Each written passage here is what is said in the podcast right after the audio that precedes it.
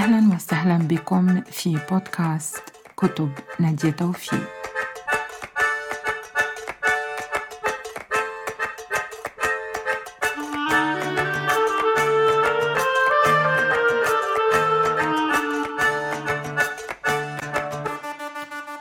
مساء الخير. مرحبا بكم في حلقة جديدة من بودكاست كتب نادية توفيق.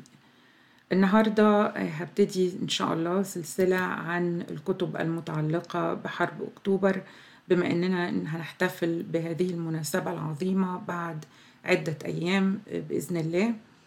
وحرب أكتوبر 6 أكتوبر 1973 هي من أكبر انتصارات مصر العسكرية. تكمن أهمية الحرب دي إنها أعادت للشعب المصري كرامته وثقته بجيشه. خصوصا بعد نكسة يونيو 1967 التي كانت حرب غادرة لم يستطع الجيش أن يخوضها بكامل استعداده بسبب سوء الإدارة السياسية والعسكرية في ذلك الوقت.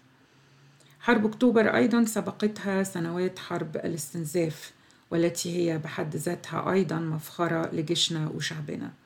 أريد أيضا أن أشير إلى أن حرب أكتوبر وما سبقها من حروب هي ما زالت موضع بحث وموضع عديد من الآراء سواء من الجانب المصري أو من أي جانب آخر الجانب الإسرائيلي أو أي باحث دولي. وأنا من خلال الحلقة النهاردة والحلقات القادمة أحاول أن أنا أضع بعض النقاط المهمة أو أبرز بعض النقاط المهمة المتعلقة بهذه الحرب وربما ده يكون سبب لدفع الكثيرين منكم إن شاء الله أنكم تقرأوا عن هذه الحرب. أهم ما يميز حرب أكتوبر هو عنصر المفاجأة. في ذلك الوقت حرص السادات رئيس الجمهورية وقادة الجيش على إيهام العدو إنهم متراخين لا مبالين وإنهم مستسلمين لقدرهم إنه إسرائيل خلاص احتلت سينا وإن خطها المزعوم خط بارليف مقاوم للقنابل النووية وهم كانوا زرعوا نابالم في قناة السويس.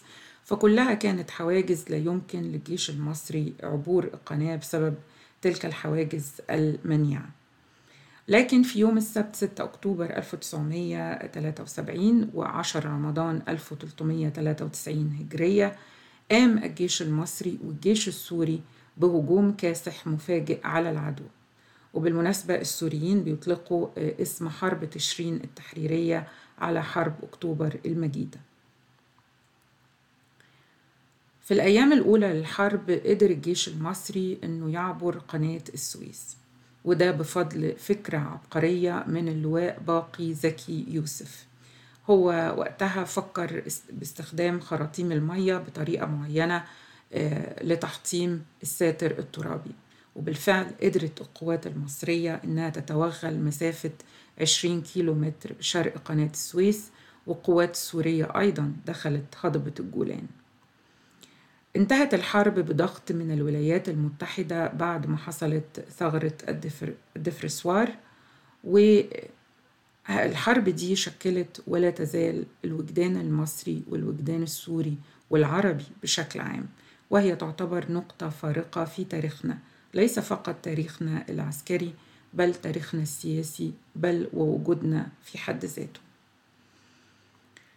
الحقيقة من الصعب الإحاطة بكل الكتب التي تناولت حرب أكتوبر وأظن أنه هناك في بيبليوغرافيا عديدة لحرب أكتوبر ممكن أن تعثروا عليها على الإنترنت.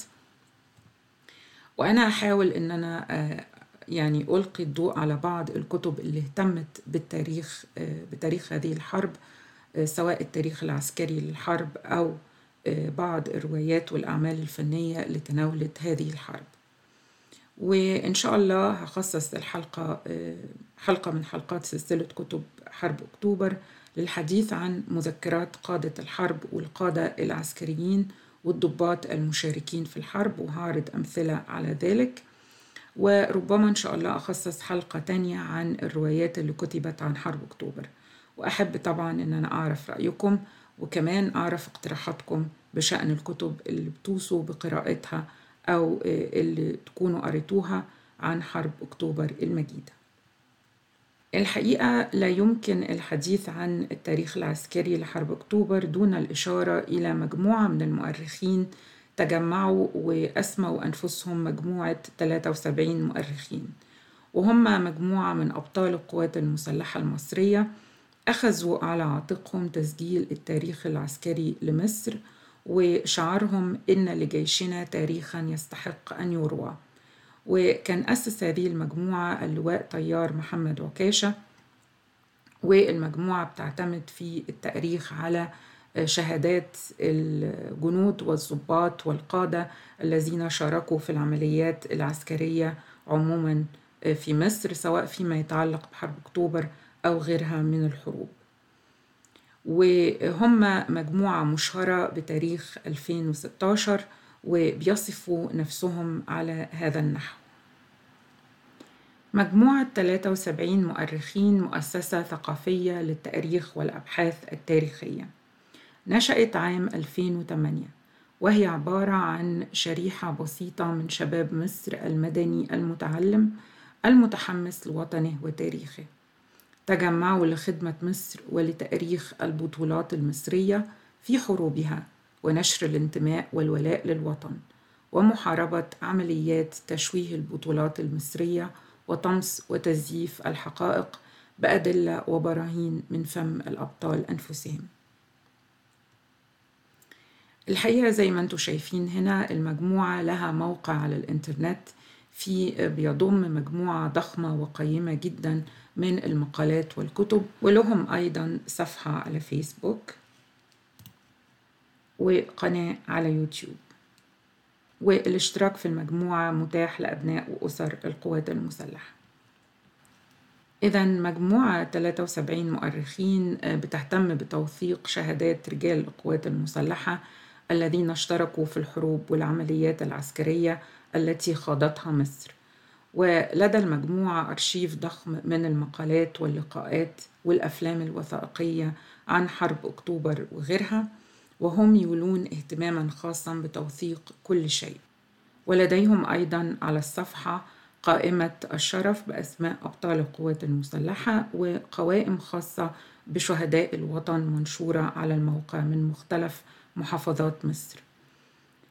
وأظن أن هذا الأرشيف يعتبر كنز معرفي لكل المهتمين والباحثين في تاريخ مصر العسكري عموما وحرب أكتوبر بشكل خاص. أيضا المجموعة 73 مؤرخين بتنتج أفلام لرواية وقائع أو معارك بعينها زي الفيلم اللي إحنا شايفينه هنا فيلم الكتيبة 418 دفاع جوي. وهو من كتابة وسيناريو أحمد زايد وإخراج وليد ساري وأنتجوه بإمكانياتهم الخاصة سنة 2015 وأيضا لهم فيلم تاني اسمه أبابيل. وأنا من هنا بحيي وبأثمن جهودهم الممتازة لأن جزء مهم من التاريخ هو شهادات المعاصرين وشهادات من صنعوا الأحداث. والحقيقة أنا توجهت بالسؤال إلى الأستاذ أحمد زايد المسؤول والمؤسس للمجموعة مجموعة 73 مؤرخين عن أهمية توثيق حرب أكتوبر. فقال لي توثيق حرب أكتوبر لا يقل أهمية عن الحرب نفسها. ليه؟ إحنا لما بنشوف يعني ندي مثال أمريكا مثلا عاملة أفلام عن الحرب العالمية الأولى بعد مرور أكتر من 100 سنة. منزلاها في 2020 و2021 والأمثلة موجودة. فهم بيوثقوا الحرب وبيستمروا في, تفكير الناس بالبطولات اللي هم عملوها والبطولات اللي الشعب عملها علشان دي القوة الناعمة مهمة جدا جدا في رسم وتشكيل هوية الشعب بوجه عام. طيب إحنا عندنا في مصر هنا للأسف التوثيق كان ضعيف جدا وما زال ضعيف. يعني إحنا مجهوداتنا برضو تعتبر مجهودات صغيرة مقارنة بحجم الحرب والاستنزاف اللي قبليها. البطولات كتيرة جدا جدا وأبطال كتيرة عايشين محدش عارفهم. فالتوثيق مهم جدا جدا علشان للأسف تم استخدام الحرب في جزء نقول إيه في جزء سياسي بعد 30 ثورة 30 6 في تشويه الحرب لتشويه الجيش لتشويه الرئيس لتحقيق أهداف سياسية. فطلع جيل بيتابع السوشيال ميديا ابتدى يسمع وي- ويشوف ويلاقي تشويه في الحرب. فكان لازم التوثيق اللي هو هو ده يا جماعة الحقيقة هي دي لازم المصدر اللي ترجعوا له سواء آه، موقع المجموعة 73 أو قناة المجموعة 73 على اليوتيوب. إحنا عاملين سلسلة اسمها أسرار وخفايا حرب أكتوبر فوق 46 فيديو لسه مكملين فيهم. مش سايبين حاجة في الحرب و- آه، وكاتبين قايلينها سواء من مصادرنا أو من مصادر أجنبية. فتوثيق الحرب مهم جدا جدا جدا لتشكيل وعي الشعب المصري إن إحنا عندنا آه بطولات عرفنا نعمل بطولات قدرنا إن إحنا نق- نقهر جيش كان متقدم علينا. لو إحنا قدرنا إن إحنا نستخدم البطولات دهيت أو نستثمر البطولات دي بشكل مختلف فيما يخص آه، الحركه الموجودة في البلد والعمران والإنجازات اللي بتحصل أعتقد إن إحنا هنقدر نشكل وعي آه، جمعي آه، حلو جدا جدا عند الناس. نقدر إن إحنا نقف على رجلينا بسرعة في وجود ظهير شعبي واعي ومدرك آه، إن التحديات اللي قدامنا مش تحديات صغيرة. بس yes we can do آه نقدر. نقدر إن إحنا نقف قدام التحديات دهيت لو معانا شعب عنده وعي كبير جدا جدا. إذا أتفق مع الأستاذ أحمد زايد في أهمية التوثيق التاريخي وبالذات أهمية توثيق حرب أكتوبر. أولا لحفظ التاريخ وتسجيله بشكل يكون أقرب للواقع وحمايته كمان من إعادة كتابته أو تزويره بما يتفق مع التغييرات الحالية. فإحنا عارفين أنه أحيانا بتتم إعادة كتابة الأحداث التاريخية أو إعادة قراءتها بشكل معين بما يتفق مع آه، أغراض بما يتفق مع أغراض الحاضر. السبب الثاني هو حماية وعي الشعب من التشوه. ما تحدث به أستاذ أحمد عن محاولة تغيير رؤية الجيل الحديث تجاه انتصار أكتوبر صحيح تماما. والحقيقة أنه فعلا في محاولات وقحة لانتزاع قيمتنا كشعب من خلال تحقير كل منجزاتنا وأيضا آه، تصوير تاريخنا على أنه تاريخ من الفشل وال والهزائم. وفي محاولة لتشويه الهوية آه، طبعا آه، من حق كل باحث ومن حق كل مواطن وكل شخص إن هو يقرأ التاريخ كما يشاء ويقدم حججه وإثباتاته ويكون له كمان رؤية خاصة. لكن أنا بتكلم عن المحاولات الجماعية لتشويه الوعي عن عمد وعن آه، يعني أهداف بتهدف لإضعاف آه، قيمتنا كشعب وكأمة. وأيضا تأمينا على كلام الأستاذ أحمد زايد بخصوص مقاومة الأخبار المزيفة أو الفيك نيوز.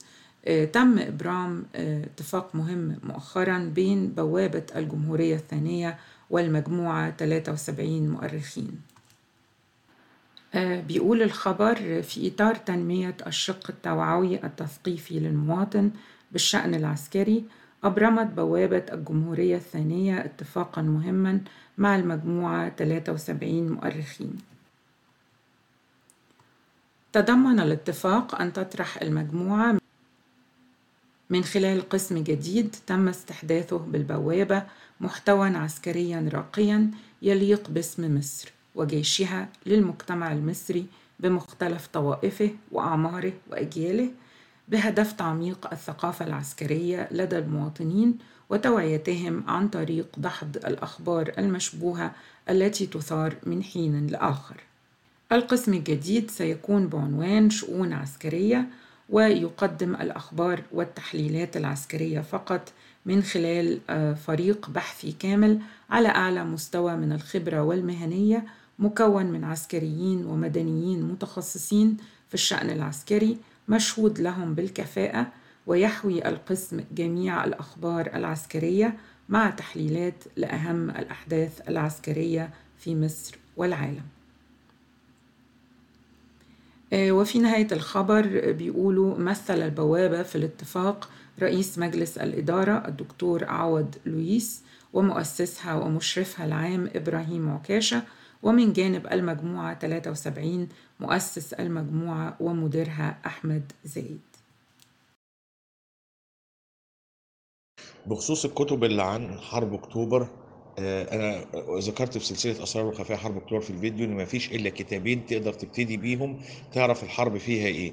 المعارك الحربية على الجبهة المصرية للمؤرخ جمال حماد No Victor No Vanquished للكاتب البريطاني إدجار اوبلانس دول اللي إحنا نقدر نبتدي بيهم. بعد كده في مذكرات سعد الشاذلي مذكرات عمنا مواصل مذكرات عم فريق عمنا خليل مذكرات قادة كتيرة نقدر إن إحنا نقراهم. بالنسبة لمذكرات قادة الحرب هي فعلا من أهم الكتب التي يمكن الاطلاع عليها وأنا سأتحدث عن ذلك إن شاء الله في حلقة منفصلة. إذا الكتاب الأول اللي ذكره الأستاذ أحمد زايد هو كتاب المؤرخ جمال حماد.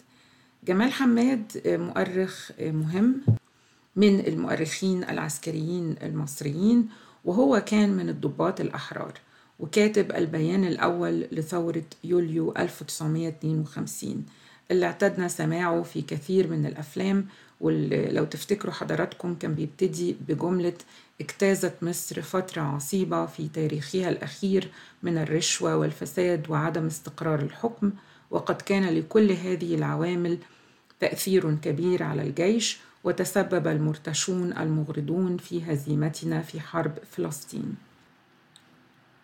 جمال حماد له أيضا مؤلفات روائية مثل غروب وشروق وثالثهم الشيطان والاتنين تحولوا إلى أفلام سينمائية. هو أيضا كتب الشعر وله ديوان صدر عام 2009 اسمه بين قلبي وحسامي صدر عن الهيئة المصرية العامة للكتاب. وكان جمال حماد بيكتب بانتظام مقالات في سلسلة مقالات عن تاريخ الحروب المصرية في مجلة أكتوبر. أيضا هو شارك في اللجنة العليا للتاريخ اللي شكلت عام 1999 لتطوير مناهج التاريخ لطلاب المرحلتين الإعدادية والثانوية وباعتباره متخصص في تاريخ ثورة يوليو وحرب أكتوبر قام هو بإعداد الجزء الخاص بثورة يوليو وحرب أكتوبر. في رأيي أنه جمال حماد بيمتاز بأنه كاتب رفيع المستوى له أسلوب شيق حتى وهو يكتب عن تفاصيل تقنية وتفاصيل عسكرية ربما لا تهم غير المتخصصين كثيرا إلا أنه أسلوبه فعلا يجذبك لقراءة المقال أو الكتاب الذي كتبه. جمال حماد أرخ لحرب أكتوبر في كتابين. هو ابتدى يكتب عن حرب أكتوبر فوجد أنه ما يكتبه أصبح ضخما جدا فقسمه على جزئين. الجزء الأول كان اسمه من سيناء إلى الجولان وهو تأريخ للفترة ما بين 1967 وأيضا بيشمل أحداث حرب أكتوبر 1973 الكتاب بيقع في 621 صفحة وبينقسم إلى عشرة فصول وهو في كتابه ده ذكر حرب أكتوبر من ناحية الأحداث والوقائع. لكن الكتاب اللي ذكره الأستاذ أحمد زايد واللي أنتوا شايفين الغلاف بتاعه هنا المعارك الحربية على الجبهة المصرية هو الجزء الثاني من سلسلة أو من الكتابين اللي كتبهم عن حرب أكتوبر. وفي هذا الكتاب هو بيحلل معارك وأحداث ومواقف حرب أكتوبر على جميع ساحات القتال كما ذكر في مقدمة الكتاب. والكتاب صدر عن دار الشروق وكانت طبعته الأولى عام 2002 الكتاب بينقسم إلى 17 فصل وفيه سبع ملاحق. وجمال حماد بيعتبر هذا الكتاب مع الكتاب الأول من سيناء إلى الجولان بمثابة موسوعة حرب أكتوبر 1973 حصل جمال حماد على جائزة الدولة التشجيعية عن كتابه هذا المعارك الحربية على الجبهة المصرية حرب أكتوبر 1973 أيضا حصل الكتاب على جائزة أحسن كتاب عن حرب أكتوبر من إدارة الشؤون المعنوية للقوات المسلحة بمناسبة الاحتفال باليوبيل الفضي لحرب أكتوبر. الحقيقة أنا اخترت لكم اقتباسين من كتاب جمال حماد المعارك الحربية على الجبهة المصرية. الاقتباس الأول اللي اخترته يتعلق بالضربة الجوية الأولى التي كانت حاسمة في مسار الحرب.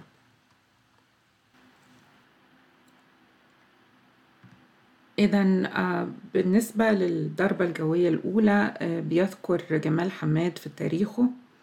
في الساعة الثانية تماما قامت أكثر من 200 طائرة مصرية من المقاتلات والمقاتلات القاذفة من طراز ميج 21 وميج 17 وسخوي 7 بعبور قناة السويس في اتجاه الشرق على ارتفاع منخفض بعد أن أقلعت من 20 قاعدة جوية لتنفيذ المهمة التي حددها اللواء طيار محمد حسني مبارك قائد القوات الجوية في الضربة المركزة الأولى في عمق سيناء التي شملت مركز قيادة العدو في أم مرجم ومركز الإعاقة والشوشرة في جبل أم خشيب ومطاري المليزر وبير تمادة ومناطق تمركز احتياطات العدو ومواقع بطاريات الصواريخ هوك المضادة للطائرات ومحطات الرادار ومدفعيات العدو بعيدة المدى من عيار 175 ملم وبعض مناطق الشؤون الإدارية وحصن بودابست من حصون خط بارليف الذي يقع على الضفة الرملية شرق بور فؤاد. وقد نجحت الضربة الجوية نجاحا مؤثرا وعادت الطائرات في الساعة الثانية وعشرين دقيقة بعد أداء مهمتها خلال ممرات جوية محددة تم الاتفاق عليها بين قيادة القوات الجوية وقيادة الدفاع الجوي من حيث الوقت والارتفاع وكانت خسائر الضربة الجوية المركزة عبارة عن خمس طائرات.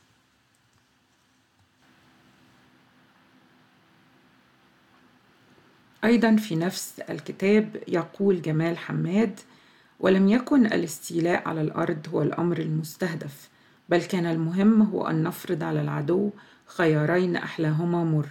فإما القتال وتحمل الخسائر تحت ظروف ليست مناسبة له وإما العزوف عن القتال مع الاستمرار في تعبئة قواته خوفا من الخطر الذي تسببه له قواتنا التي تتمركز شرق القناة. وحيث أن التعبئة العامة في إسرائيل تعني استدعاء 15% من تعداد الشعب اليهودي فإن إطالة مدة التعبئة هي السم الذي يضعف مقاومة إسرائيل يوما بعد يوم. إن الجندي الإسرائيلي الذي يستدعى في التعبئة هو نفسه العامل والمهندس في المصنع وهو نفسه الطالب والأستاذ وهو نفسه الذي يقوم بجميع النشاطات الأخرى في الدولة فكيف يمكن لهذه الدولة أن تعيش لو امتدت الحرب ستة أشهر فقط وهي بكامل تعبئتها؟ يكمل آه، جمال حماد ويقول كانت مصر شعبا وجيشا وقيادة في حاجة إلى نصر يرفع معنوياتها ويثبت للأعداء والأصدقاء قدرتنا على الأداء فيخشانا الأعداء ويثق بنا الأصدقاء. وليس سرا أن كثيرا من الزعماء العرب كانوا يعتقدون أننا لسنا جادين في عزمنا على القتال ولذلك فإنهم كانوا يظنون بتقديم المساعدات العسكرية والمادية. وليس سرا أن الاتحاد السوفيتي كان هو الآخر لا يثق كثيرا بمزايا القيادة السياسية وكان يشك في مقدرة قواتنا المسلحة على عبور قناة السويس. وبالتالي فإنه كان يضن علينا بالأسلحة الهجومية التي تتطلبها حرب يكون هدفها هو تحرير سيناء بالكامل. وليس سرا أن إسرائيل كانت تعتقد أن الجيش المصري لا يستطيع أن يعبر قناة السويس وأن موشا ديان قال ساخرا في أحد لقاءاته مع القادة لكي يعبر المصريون قناة السويس فإنه يلزمهم سلاح المهندسين السوفيتي والأمريكي مجتمعين لمساعدتهم في ذلك. وعلاوة على ذلك كان الشعب المصري قد مل الانتظار الطويل في فترة اللا سلم ولا حرب، وكان بقاء الجنود في الخنادق لمدة أربع سنوات متتالية قد قتل فيهم الروح الهجومية، وأصبح الدفاع بالنسبة لهم وكأنه هو العقيدة القتالية للقوات المسلحة المصرية. وكانت تعبئة المثقفين من خريجي الجامعات في القوات المسلحة لمدة طويلة قد بدأت تثير الشكوى على المستوى العام وعلى المستوى الخاص. وكان لابد من عمل شيء يغير كل هذه الأوضاع السيئة وكانت خطة المآذن العالية هي الحل الوحيد للتغلب على كل هذه المشكلات دفعة واحدة. وفيما يتعلق بالدفاع عن مدن القنال أثناء الحرب اخترت أيضا جزء تحت عنوان كيف دافع الجيش الثاني عن الإسماعيلية.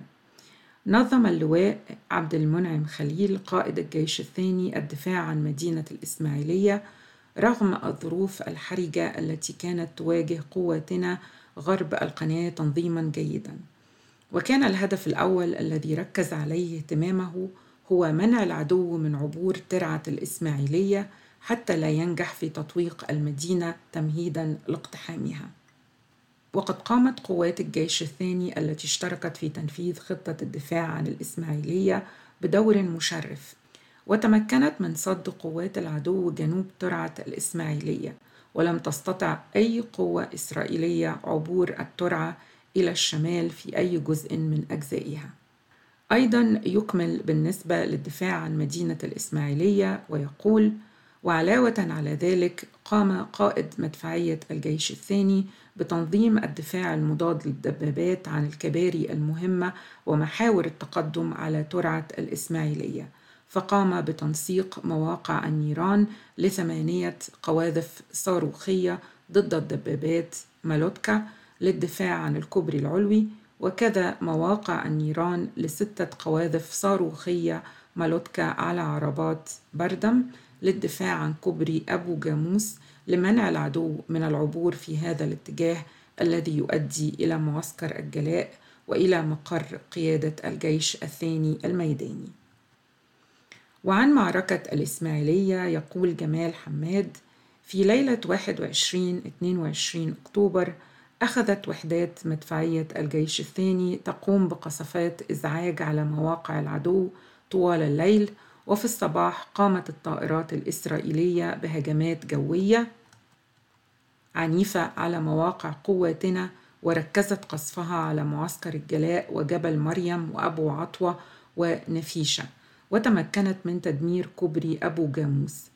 وقد أرسل قائد الجيش الثاني في الساعة الثامنة والدقيقة الخامسة والخمسين صباح يوم 22 أكتوبر إلى القائد العام بالمركز عشرة إشارة لاسلكية أخطره فيها أن قائد الفرقة 8 دفاع جوي أبلغه بعدم وجود أي كتيبة صواريخ أرض جو سام جاهزة للعمل في قطاع الجيش الثاني. وقد حاول العدو التقدم بمفارز مدرعة دبابات ومشاة ميكانيكية على طريق المعاهدة في اتجاه كوبري نفيشة وعلى الطريق الصحراوي في اتجاه الكوبري العلوي.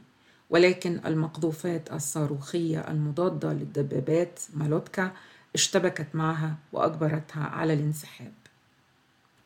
وفي حوالي الساعة العاشرة صباحا يوم 22 أكتوبر جدد العدو محاولته للتقدم في اتجاه ترعة الإسماعيلية وكان تحركه على محورين هما طريق ترعة الإسماعيلية الحلوة وطريق المعاهدة ولكي يتمكن من إزاحة قوات الصاعقة التي اعترضت طريق تقدمه قام بقصف مواقعها بالمدفعية والهاونات ومدافع الدبابات. كما قامت طائراته بضرب مواقعها ضربا مركزا. ونظرا لضيق الطريق فقد تحركت في المقدمة قوات العدو المترجلة من المظلات وعناصر الاستطلاع بينما كان يتبعها ببطء طابور من الدبابات والعربات المدرعة نصف جنزير بسبب عجزه عن الفتح والانتشار. وحوالي الظهر اشتبكت مقدمة قوات العدو مع عناصر استطلاع الصاعقة في الأمام وتم تدمير دبابتين وعربة مجنزرة إسرائيلية. وفي الساعة الواحدة ظهرا تقدمت قوة من المظلات تقدر بسرية مشاه في اتجاه أبو عطوة على محور ترعة السويس الحلوة ونظرا لعدم قيامها جيدا باستطلاع الأرض ومعرفة أوضاع قواتنا.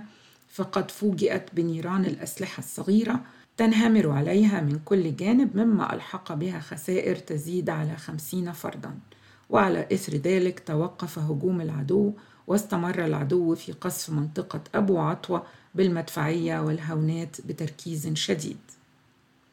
وفي نفس التوقيت وعلى محور نفيشة تقدمت قوة تقدر بسرية دبابات وسرية مشاة ميكانيكية تحت ستر غطاء جوي من الطائرات التي قامت بقصف منطقة نفيشة وتدمير كوبري نفيشة على ترعة الإسماعيلية.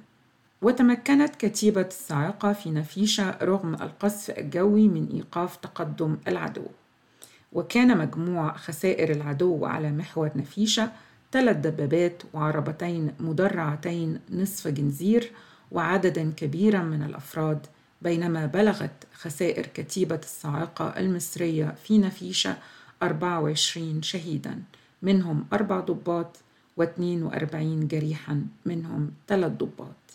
وعندما خيم الظلام وحل موعد سريان وقف إطلاق النار في الساعة السادسة والدقيقة الثانية والخمسين مساء يوم 22 أكتوبر ونظرا لوجود جرحى إسرائيليين كثيرين على أرض المعركة لم يتم سحبهم بعد ولم يكن في الإمكان القيام بمعركة أخرى خاسرة من أجل إنقاذ الجرحى لذا طلب شارون إمداده بعدد من طائرات الهليكوبتر لمساعدة رجاله في عمليات الإنقاذ. ولكن الجنرال بارليف لم يوافق على طلبه فقد كانت الليلة مظلمة وكان من الصعب على الطائرات الهبوط بالقرب من ميدان المعركة منعا لإصابتها. ولذا أمر شارون رجاله بضرورة الاعتماد على أنفسهم واستمرت عمليات الإنقاذ أكثر من أربع ساعات إلى أن تم إخلاء معظم القتلى والجرحى من أرض المعركة.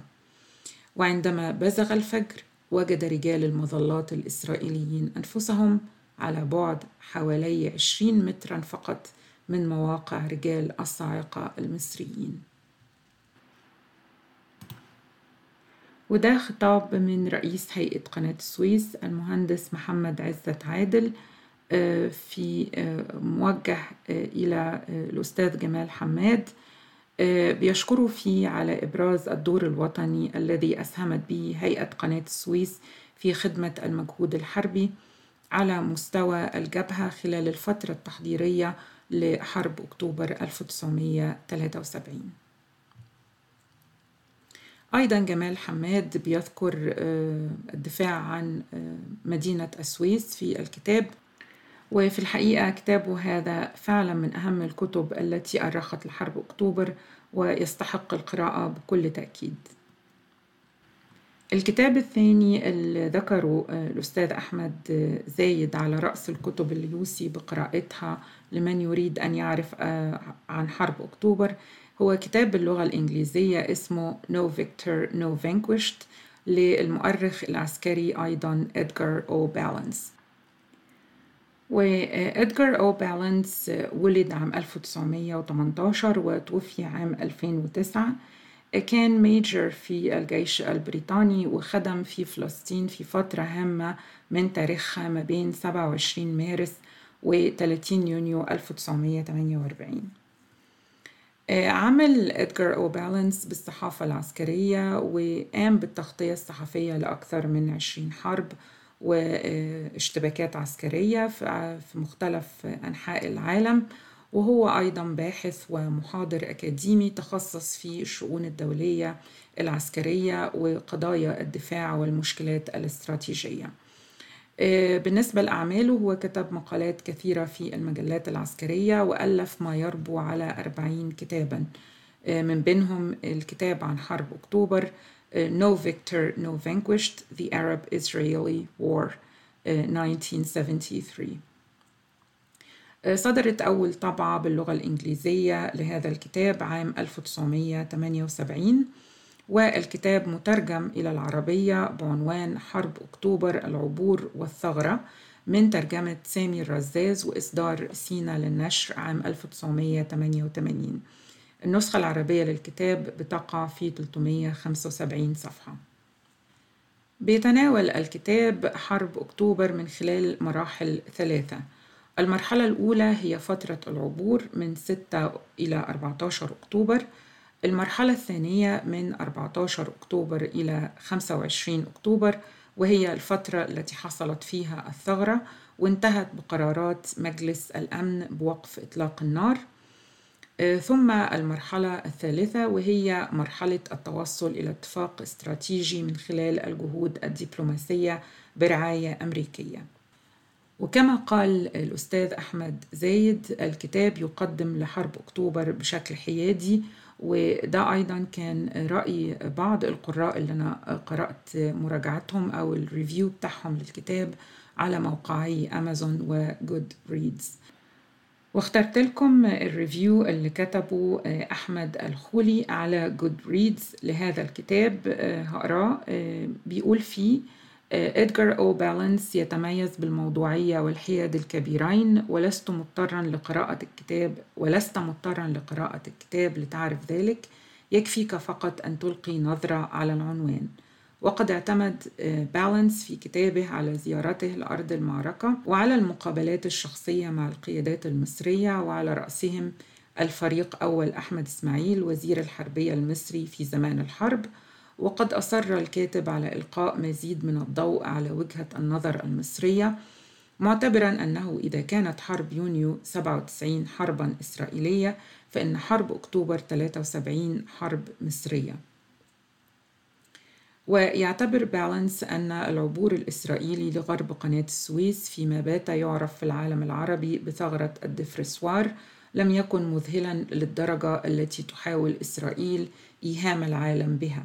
وأن الصورة التي تحاول إسرائيل رسمها عن أنها استطاعت قلب موازين الحرب في النهاية لصالحها بعبورها إلى إفريقيا وتطويقها الجيش الثالث المصري وادعائها بأن الطريق للعاصمة المصرية أصبح مفتوحا أمامها وأن القوى العظمى هي التي حالت دون استسلام الجيش الثالث المصري وأن جنرالاتها الشباب المفعمين بالحيوية قد تفوقوا على جنرالات مصر لم تكن هذه الصورة على الإطلاق سليمة.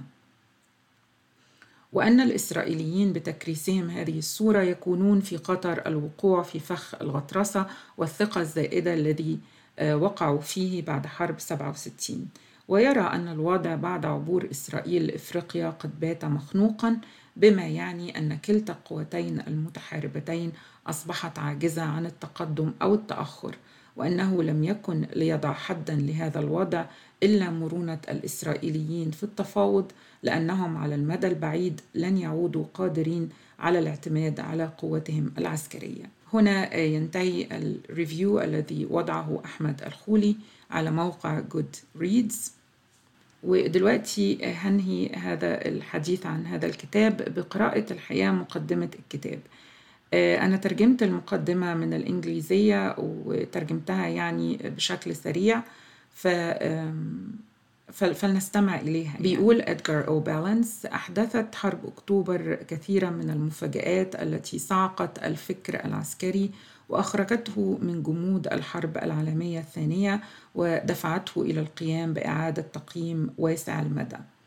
كانت حرب أكتوبر حربا لم يرغب فيها الإسرائيليون ولا الروس ولا الأمريكيون لكنها بمجرد أن بدأت وجدت كل من أمريكا وروسيا نفسيهما مضطرين لمؤازرة حلفائهما للحفاظ على كرامتهما وبسبب صراع القوى المستعر بينهما. فقام بإرسال الأسلحة والذخيرة والمعدات بكميات سرعان ما تصاعدت بشكل كبير لأن القوتين العظميين لم يرغبا في رؤية الجانب الذي يؤيدانه منهزما بالكامل في أرض المعركة. ربما كان العرب هم من أراد الحرب وأحرز أكبر مكاسب. بالرغم من أنه من وجهة نظر عسكرية خالصة كان سباقا مستحيلا إلى أنه قد أدى إلى كسر الحالة الجامدة من اللا سلم اللا حرب التي كان يبدو أنها في صالح الجميع ما عدا صالح العرب. لقد جمعت هذه السردية الشاملة من جراء مقابلاتي وأبحاثي وزياراتي إلى البلاد التي شاركت في الحرب وإلى مواقع المعارك نفسها حيث رأيت الأشياء على الطبيعة مع الضباط الذين شاركوا في القتال. بعد قرار وقف إطلاق النار الثاني الذي بدأ أنه في صالح العرب أكثر مما هو في صالح الإسرائيليين بدأت صناعة الأساطير. الآن يحاول كل من العرب والإسرائيليين إقناع أنفسهم والعالم بأسره أنهم قد انتصروا في الحرب. لكن لولا تدخل القوى العظمى لكان أمكنهم إحراز النصر الشامل. هذا ليس صحيحا على وجه الدقة ولا يمكنني الوصول إلى استنتاج يكون منحازا تماما إلى هذا الجانب أو ذاك. قد يود البعض لو حذفت بعض المعلومات أو التعليقات أو قللت من أهمية بعض النواحي وأعليت من شأن البعض الآخر لكني لم أكن قادرا على فعل هذا لأنني كنت أود تجميع تاريخ معاصر دقيق بكافة نواحيه السيئة في تلك الفترة الزمنية وفي هذا الجو الصانع للأساطير. توجد مناطق رمادية ومناطق مختلف عليها، وتقارير متعارضة يصعب الجمع بينها، وصمت رسمي حول تفاصيل معينة، وتفسيرات مبالغ فيها لتفاصيل أخرى. إن الشفاه مطبقة على بعض المواضيع بينما تنطلق الألسنة على البعض الآخر حيث أن عديدا من الشخصيات التي شاركت في الحرب بعد أن أصبحت شخصيات تاريخية تود محو النواحي السيئة أولا قبل أن يسطر قلم التاريخ كلماته. كانت هذه مقدمة المؤرخ العسكري إدغار أو بالانس لكتابه الذي يؤرخ لحرب أكتوبر No victor, no vanquished التي تعني أنه لا يوجد منتصر ولا يوجد منهزم. بشكل عام كتاب أوبالانس مهتم كثيرا بالتفاصيل العسكرية الفنية وهو كتاب عسكري بالدرجة الأولى واهتمام الكاتب يبدو منصبا على التوثيق الفني العسكري للأحداث أحداث حرب أكتوبر. في النهاية أدعو الجميع للقراءة حول حرب أكتوبر. حرب أكتوبر لم تكن حربا وانتهت بل هي شكلت وما زالت تشكل وعينا ووجودنا على هذه الأرض. كما أن شهداء مصر ممن ضحوا من أجلها سواء في تلك الحرب أو ما سبقها من حروب أو ما لحقها من حروب يستحقون منا كل إعزاز وإكرام وتقدير. ومن واجبنا أن إحنا نعرف ونقرأ عن بسالتهم وبطولاتهم. تحيا مصر شعبا وجيشا دائما على مر الزمان. أشكركم على حسن استماعكم. دي كانت نظرة سريعة على العمل الجبار الذي تقوم به مجموعة 73 مؤرخين. أيضا عرض سريع لكتابين حول حرب أكتوبر وإن شاء الله يكون لنا تكملة حول الكتب التي دارت حول حرب أكتوبر. كل سنة وحضراتكم طيبين.